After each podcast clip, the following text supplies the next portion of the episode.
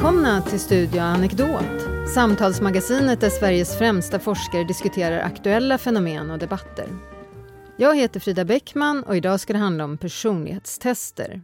Sådana där du numera får göra när du söker ett jobb eller kanske gör själv på fritiden för att se om du är introvert eller extrovert, röd, blå eller grön, en lagspelare eller en ensam varg.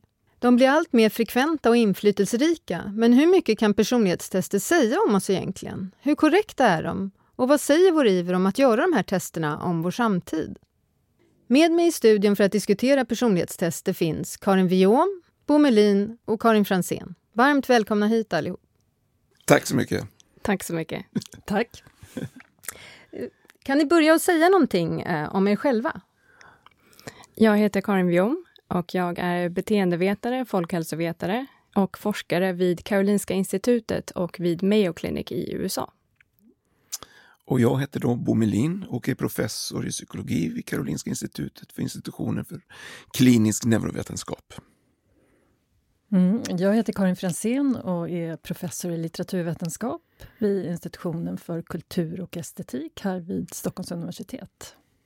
Bo, vill du börja att kort förklara vad är ett personlighetstest? Ja, ett personlighetstest det är ju som det hörs på namnet, det är ett test av någonting. Det är ett test av våran personlighet.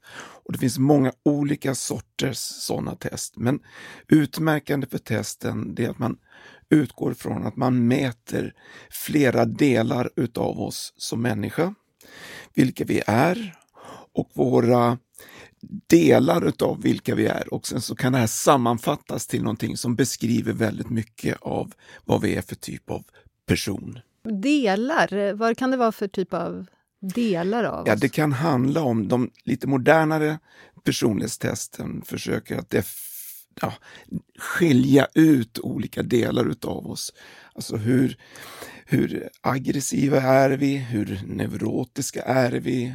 Och, eller till exempel hur vänliga är vi? Hur öppna är vi? Och alla de där är lite olika delar och försök, man gör anspråk på i alla fall att, att beskriva en stor del av oss som människor med de här testen.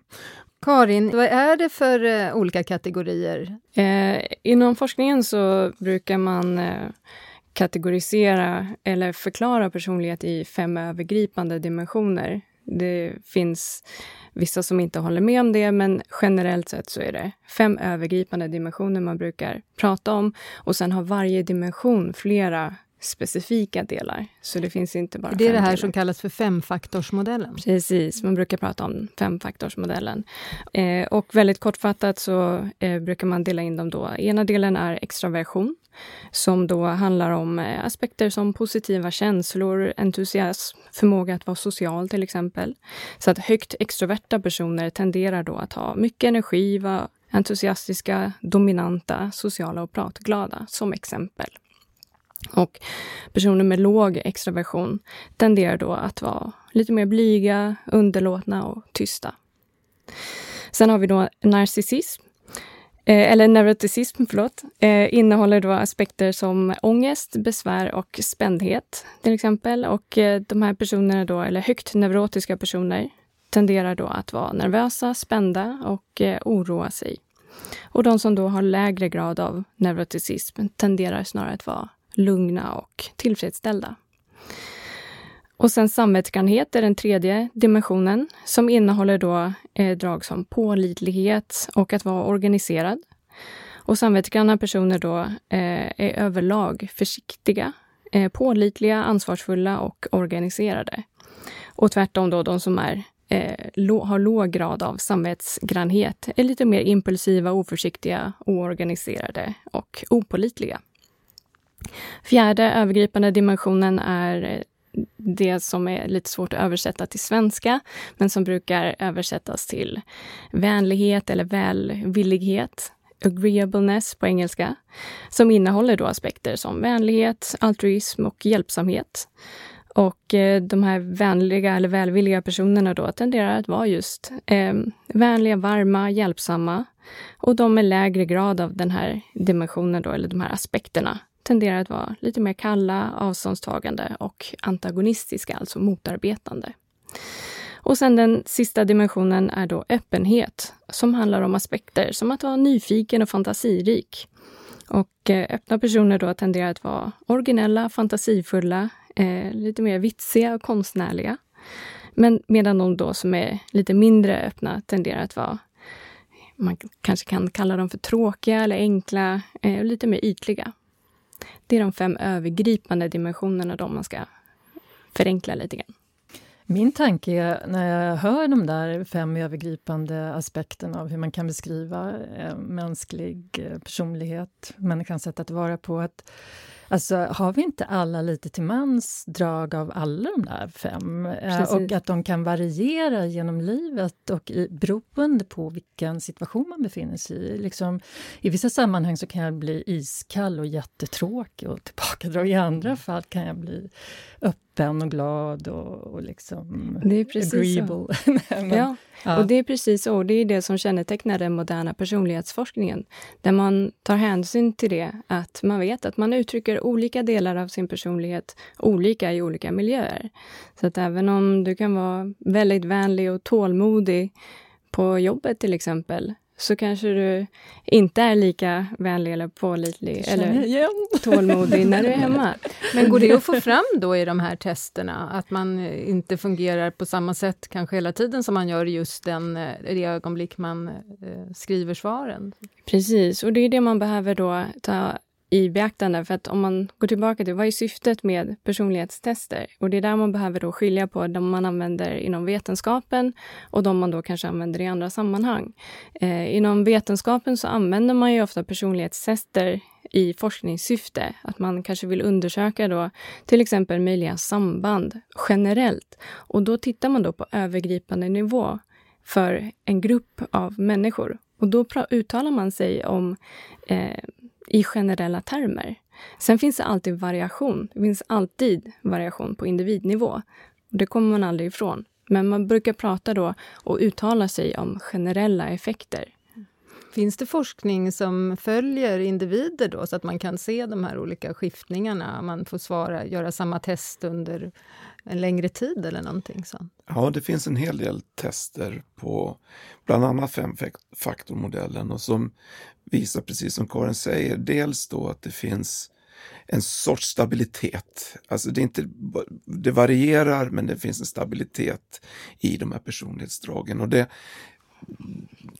när vi pratar personlighet så är det ju ofta då att det är någonting som är också är inbyggt i själva definitionen. Att personlighet är ju någonting som ska finnas med över hela livet, annars är det inte personlighet. Men det är som Karin säger, att forskning har visat att vi är betydligt mer rörliga i vår personlighet än vad vi kanske trodde för 10-15 år sedan. Så forskningen har visat att vi, det, vi förändras. Vi blir till exempel snällare ju äldre vi blir till exempel. Det är ett sånt där gemensamt drag, men, men också att vi påverkas av situationsfaktorer är mycket större. Och då blir ju också själva definitionen av personlighet lite mera utmanande. Är det personlighet vi pratar om eller är det någonting annat? Så att eh, det som Karin säger, vår personlighet är mycket mer föränderlig än vad vi har antagit tidigare. Det är där det blir väldigt spännande också att tänka kring, eh, det blir ju lite filosofiskt och historiskt sådär, vad man i så fall upplever, eller upplever, vad man ser som kärnan på något sätt. Om man tänker, om det nu finns personlighet men den förändras över tid, hur kan man tänka kring det där som både är beständigt och föränderligt på något sätt? Ja, alltså en, en människa är ju eh, komplex och eh, jag själv har ju forskat i subjektivitetens historia, då, hur, hur man har talat om jaget i litteratur och filosofi i den västerländska kulturhistorien, framför allt från antiken fram till moderniteten, den tid vi befinner oss i. Moderniteten och postmoderniteten kan man väl säga. När, när jag lyssnar på, på dig Bo och mm. även dig Karin så så känns det, du, du Karin pratar ju om egenskaper och du talar om aggressivitet och oro och så som man inom viss vetenskap kallar för neuroser. Men in, i äldre tid så talade man nog kanske, dels så fanns ju den här läran om de olika humörpatologierna, att man kunde vara eh, flegmatisk eller mm. kolerisk eller melankolisk eller sangvinisk beroende på hur de här olika kroppsvätskorna fungerade. Hur, om det fanns balans eller obalans. Överskott av svart galla gav till exempel upphov till en melankolisk eller depressiv personlighet, skulle väl vi säga idag. Då. Så att det har funnits massa teorier även i, i ett historiskt perspektiv på liksom olika komponenter i, i hos det mänskliga sättet att uttrycka sig och agera och bete sig. Personlighet var man ju kanske inte så intresserad av som vi är idag på samma sätt i den tidemoderna perioden. Det brukar ju sägas att intresset för det inre livet, för det personliga brukar man ju ofta tänka har att göra med någon inre kärna eller någonting som man kan identifiera sig med som sin identitet. Men just den vändningen inåt, att eh, liksom tala om jaget, det är ju någonting som man brukar förknippa med renässansen först. Så att tid, alltså tidigare under medeltiden så är inte intresset direkt för det personliga eller det subjektiva, utan det växer ju fram. Eh, och samtidigt när det växer fram så kan man ju säga, hitta exempel på till exempel hos en filosof, och moralist och teolog som Baltasar Gracian som skrev en handbok för levnadskonst. Han kunde ju skriva såna här, det var så här råd som han gav personer då som skulle uppträda i den tidens eh, elitkultur inom hovkulturen, hur de skulle uppträda. Och då ska, att jaget ska man aldrig tala om. Man ska undvika det. Så att det finns ju liksom olika ideal. Eh, som bestämmer lite grann vad, liksom, hur man är som en person genom historien. Uh, och jag vet inte, det finns en annan en sociolog som heter Norbert Elias som faktiskt har studerat det här hovsamhället då, som han kallar det, där allting var ganska reglerat hur man skulle bete sig och de skulle säkert ha varit jätteglada för personlighetstest, tänker jag, för att förstå liksom hur man ska uppträda som en korrekt hovperson. Um, men eh, Norbert Elias beskriver så här, när man, om man som ung träder in i hovet eh, och sen som gammal tittar sig i spegeln, då kommer man inte att känna igen sig själv. Man kommer inte att veta vem man är, för att man är så hårt styrd av regler och Eh, koder och andras blickar på en så att man anpassar sig efter det. Så där, där är den här tanken på ett inre liv och en inre identitet lite eh, svårare att komma åt, tänker jag. Och den, däremot om man går till litteratur från upplysningen och för romantiken och romantiken, då börjar man ju intressera sig väldigt, väldigt mycket mera för just det egna jaget, det originella jaget. Jag är unik. Det är ju liksom vad eh, filosofen och författaren Jacques Rousseau skriver i sina bekännelser. Han börjar ju så. Den som har skrivit den här boken, det finns ingen like till den som har skrivit den här boken. Det, det, det jag som talar här är unikt. Men hans formulering där på 1700-talet är ju också unik. Det är första gången någon säger så. Men då kommer vi in på det här intressanta också med vad som kommer inifrån och vad som kommer utifrån. Och det har jag funderat på med det här med personlighetstester då också. Att är det inte så att man kan lära sig, om man jämför med de vid hovet som du beskriver som lärde sig hur man bör bete sig, då är det ju en slags regelverk eller eh, ja, konventioner som man anpassar sig efter. Och jag antar att det går även om man ska göra ett personlighetstest, till exempel för att söka ett jobb, mm. att man lite vet vad det är som är de rätta svaren, så att säga. Eller vad mm. säger ni, Bokar? Jo, nej, men jag skulle säga att det, allting handlar ju om i vilket sammanhang ska man göra de här testen. Och man är väl rätt så klok om man nu vill jobba på hovet på 1700-talet. Att man också då försöker anpassa sig till de krav som man tror, eller vara den personen som man tror att hovet vill anställa. Och det är väl just det som är bland annat ett av problemen, att man skönmålar sig själv om man gör ett personlighetstest i samband med rekrytering.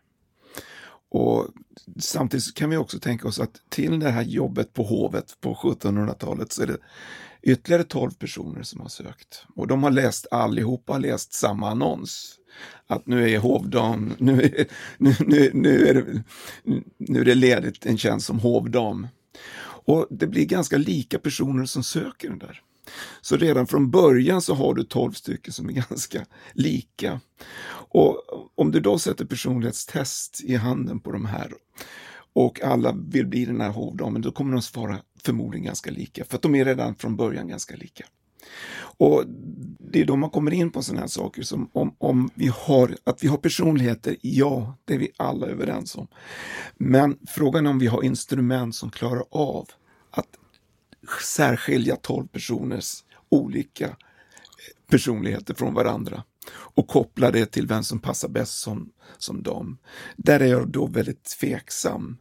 Medan när vi pratar att använda personlighetsforskning Alltså inom forskning, det är en helt annan sak. Men när vi kommer ner på individnivå, då har vi problem med de här testerna. Det har vi.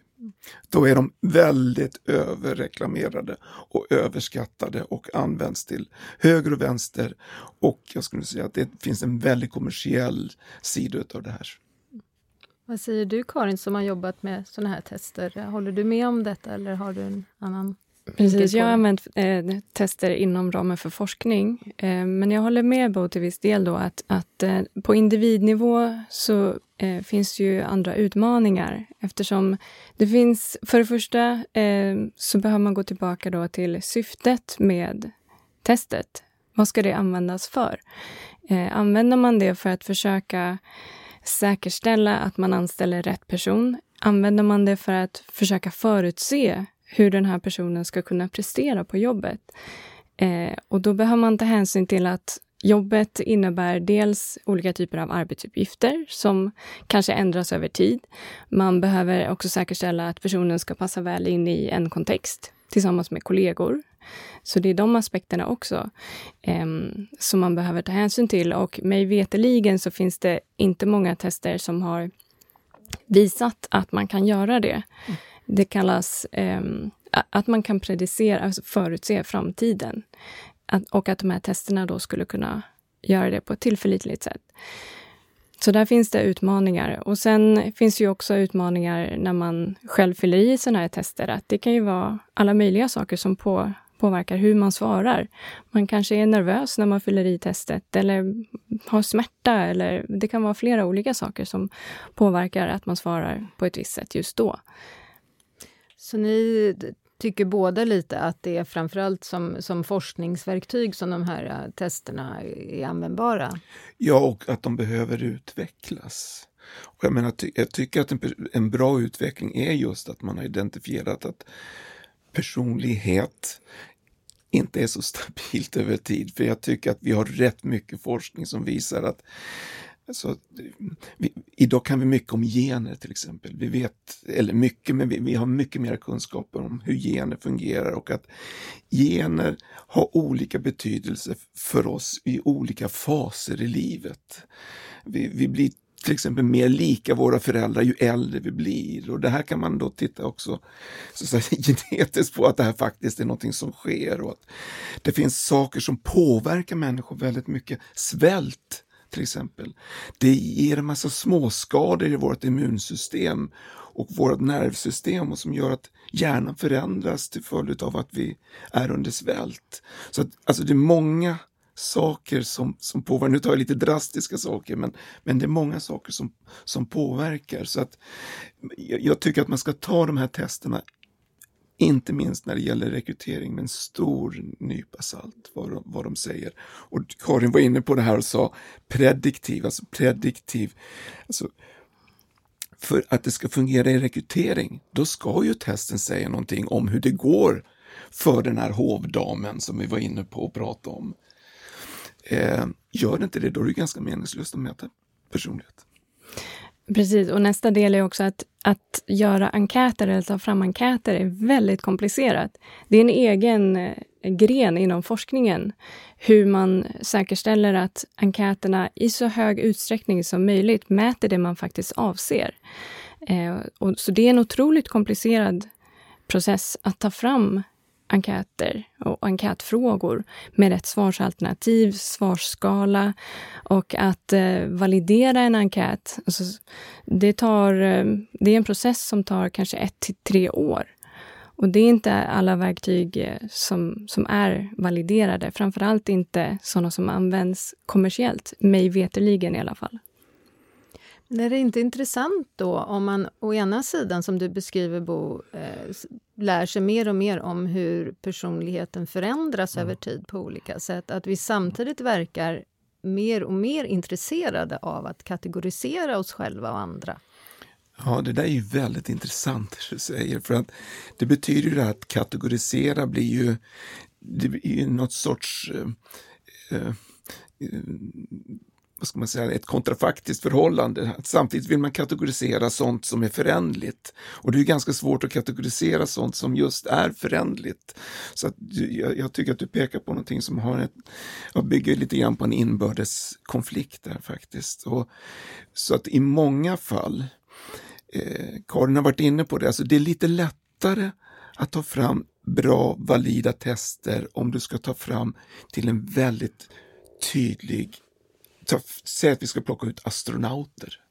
Alltså, det är ganska lätt att beskriva vad en astronaut ska kunna och under press och så vidare. Men ett, att säga att man ska ha ett test som ska fungera på mellanchefer i största allmänhet, alltså det, det går inte. Och lägger du till den här föränderlighetsdimensionen då också så beror det alldeles på när du frågar personen och sen vet vi inte hur han är som, eller han eller hon är som mellanchef om tio år. Karin, eh, varför tror du att intresset för eh, personlighetstester har blivit så stort i vår samtid? Ja, det är en rätt svår fråga att svara på, men vi lever ju ändå i ett samhälle som har väldigt stort fokus på individen och vad individen ska prestera. Det är ju ett väldigt hög grad ett prestationssamhälle. Man, från skolan eh, in i arbetslivet så så ställs det ju väldigt höga krav på, på individen att det, det är den som ska lyckas, det är den som ska prestera och visa på resultaten. Det är ju inte ett, ett liksom, det är inte gruppen eller att, eller att man som kanske tidigare följde i sina föräldrars fotspår på ett mer självklart sätt. Eh, och Eh, arbetslivet idag är ju också väldigt osäkert. Det, är ju liksom, det består ju av jättemycket så här projektanställningar och inför varje ny sån så ska du visa upp dig igen och sådär. Och, och just det här att företagen, tänker jag, har börjat använda, som ni har varit inne på, både Karin och Bo här, um, personlighetstester för rekrytering tycker jag också speglar... Det är ju det är också intressant liksom att samhället består av det här att man, man vill hitta rätt person. Det är den här matchningen som, som behöver stämma på något sätt. Och det, det är ju någonting som då har förändrats. Kanske tidigare mer stabila strukturer som har upplösts i mera fragmentariska och liksom att det bygger mera på en resultatredovisning och att man kan prestera väldigt tydligt inom den då.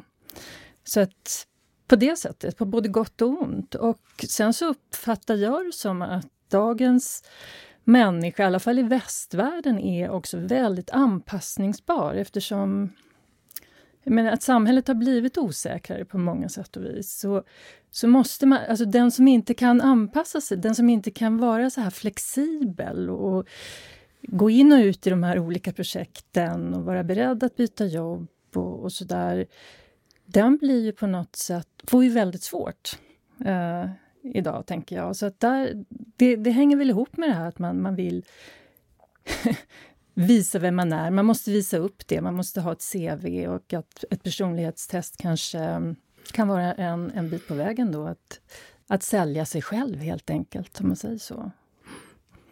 Och, jag, och det, det, finns en fara i det också om, om den här typen av tester ersätter det som vi kallar för meriter, alltså det som, som är den kunskap som vi behöver ta med oss in. Alltså vi vill gärna ha en tandläkare som kan laga tänderna. Det är väldigt bra om tandläkaren är eh, trevlig och, och, varm om händerna och, och så. Eh, men det är också väldigt bra om han eller hon faktiskt kan laga tänderna på ett bra sätt. Och att vi, så att det, det får ju liksom inte ersätta våra meriter och våra CVn där. Och jag tror att det finns en liten risk att, att det här börjar få lite för stor betydelse i, i arbetslivet idag. Um, där eh, är nog många överens om att personlighetstester bör då inte vara det enda eh, man baserar eventuell rekrytering på, utan eventuellt skulle det kunna vara en liten del, men att man inte eh, tar bort andra delar för att personligheten säger inte nödvändigtvis någonting om hur en person presterar eh, tillsammans med sina kollegor eller eh, utför sitt arbete. Och återigen, jag kommer tillbaka till syftet med testerna. Eh, och mäter man verkligen sådana saker som är viktiga för en organisation, till exempel hur pass lojal den här individen kommer vara gentemot organisationen eller hur väl man utför sitt arbete tillsammans med sina kollegor och så vidare. Jag har tänkt också på hur man, när man gör testerna, men om jag är i desperat behov av ett jobb och söker ett jobb som säljare så kanske jag tänker att jag fyller i så att det verkar som jag är mer extrovert än vad jag är. Men då kanske det egentligen avslöjas. Mina svar kanske... Ni läser dem eh, på ett djupare plan kanske än vad man förstår när man gör testet. Det kommer man aldrig komma ifrån. På individnivå kommer det alltid finnas möjlighet att eh, svaren påverkas av olika saker. Och det finns ju personer som har mer eh, eller bättre eller sämre självkännedom till exempel. Så att på individnivå så, så kommer man ha de här olika variationerna. Och det finns ju det som, som också kallas för social desirability när man framställer sig själv som kanske så som man tror att det är önskvärt. Och det är kanske då en, en möjlig risk när man gör sådana tester i rekryteringssyfte. Alltså I ett historiskt perspektiv så, så, ser jag det mm, så mer eller mindre självklart att eh, personligheten påverkas av yttre faktorer och att man... Där kan ju även eh, manipulation och självmanipulation ingå. Att mm, man, det är mycket man gör som man inte alltså, är medveten om eh, att man gör, men man gör det ändå så att säga. Och jag kan tänka mig att det finns två scenarier när man fyller i ett personlighetstest. Det ena kan ju vara så här att man vill framstå som bättre än man är eller på ett visst sätt för att det är det som krävs i den här rekryteringen. Det andra är att man fyller i omedvetet därför att det förväntas av en. Och man vet inte om att man gör det, men man, man har inte självkännedomen som ni var inne på. Men man gör det här för att det kanske är någonstans mamma, pappa har förväntningar eller sagt någonting eller ja, vad som helst. Men, men att, att det finns så mycket osäkerhet i det här och att um, där, um, den här devisen i Apollotemplet, lär känna dig själv, gäller ju verkligen hela tiden. Inte bara historiskt sett, utan för varje människa i hennes liv. Jag tror att det är väldigt svårt att lära känna sig själv och mm. att man blir...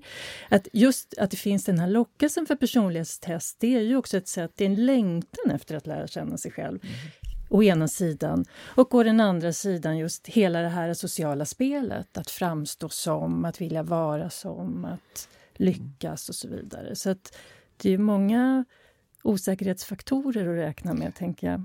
Det är det, och du har varit mm. inne på det. Jag tänker också att eh, personen i, i brukssamhället, det var nog lite lättare att ha en sorts självkännedom när man visste att pappa jobbade på bruket och att jag också skulle jobba på bruket. Och sen, sen kommer hela förändringsvågen på 40-50 efter kriget så att säga. Och, och, och, folk börjar lämna bruksorterna och man flyttar in till universitet och, och universitetsstäder och så vidare. Och helt plötsligt så blir det här mycket mer komplext. Så att säga. Man ska sätta sig i relief i, i jämförelse med väldigt många andra.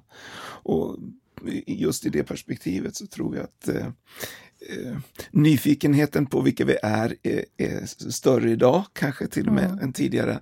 Men också mycket svårare att beskriva, att känna sig själv. Mm. Och att det idag nästan är ett krav. Det är ett krav. Att, att liksom, alla fall, även om man inte kan känna sig själv, att, jag vill gärna stryka under där att det, det är kanske någonting vi aldrig kommer göra. Men det finns ett krav idag på att du ska kunna visa upp dig själv som om du kände dig själv. Mm. Ja. det tror jag är ja. lite annorlunda än det var tidigare. Ja. Mm. Visst. Så avslutningsvis, är det här med personlighetstester någonting som är en fluga just nu eller är det någonting som kommer bli allt viktigare i framtiden? Karin? Eh, jag tror att eh, intresset kommer kvarstå. Det har funnits, har vi ju nu hört, Eh, väldigt, väldigt länge, eh, intresset. Och eh, Där kommer vi förhoppningsvis se också att personlighetstester blir bättre och validerade så att man säkerställer då att man mäter det man avser. Och med moderna metoder kanske det blir möjligt. Vi har bättre förutsättningar för det nu och säkert framöver än vad vi haft tidigare. Jag tror också som Karin, jag tror också att de kommer att fortsätta att finnas. Jag skulle nog egentligen önska att det inte riktigt var så. Eh, och eh, dels därför att vi vet mer från forskning idag, med allt från genetik och så vidare, att, att människan är trots allt förändlig. Och, eh, jag tror inte egentligen på de här instrumenten, eh, att de kommer att fylla så hemskt stor funktion i framtiden, men att de kommer att finnas, ja, det tror jag.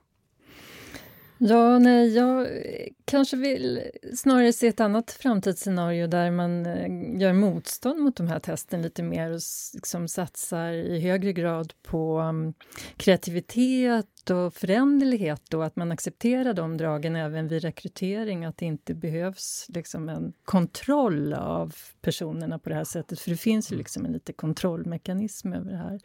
Att man släpper det lite och ger människor lite större frid, frihet att vara, att vara på lite olika sätt och att vara, att vara föränderliga genom livet och att det finns en större acceptans för det. Tack Karin Viom, Karin Fransén och Bo Melin för att ni kom och diskuterade personlighetstester med oss. Tack så mycket. Tack, tack. tack. Och stort tack också till er som har lyssnat. Vi är snart tillbaka med ett nytt avsnitt.